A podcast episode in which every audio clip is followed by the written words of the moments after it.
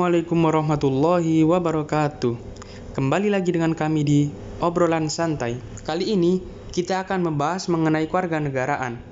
Berbicara mengenai kewarganegaraan sendiri merupakan salah satu hal yang penting untuk dimiliki oleh setiap pribadi individu.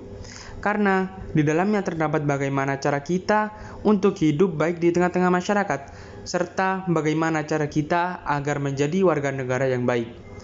Hal tersebut tidak bisa kita lepaskan dari nilai-nilai pokok Pancasila. Mengapa tidak bisa kita lepaskan?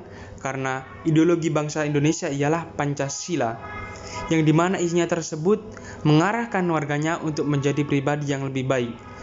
Di sila pertama menjelaskan bahwa ketuhanan yang Maha Esa.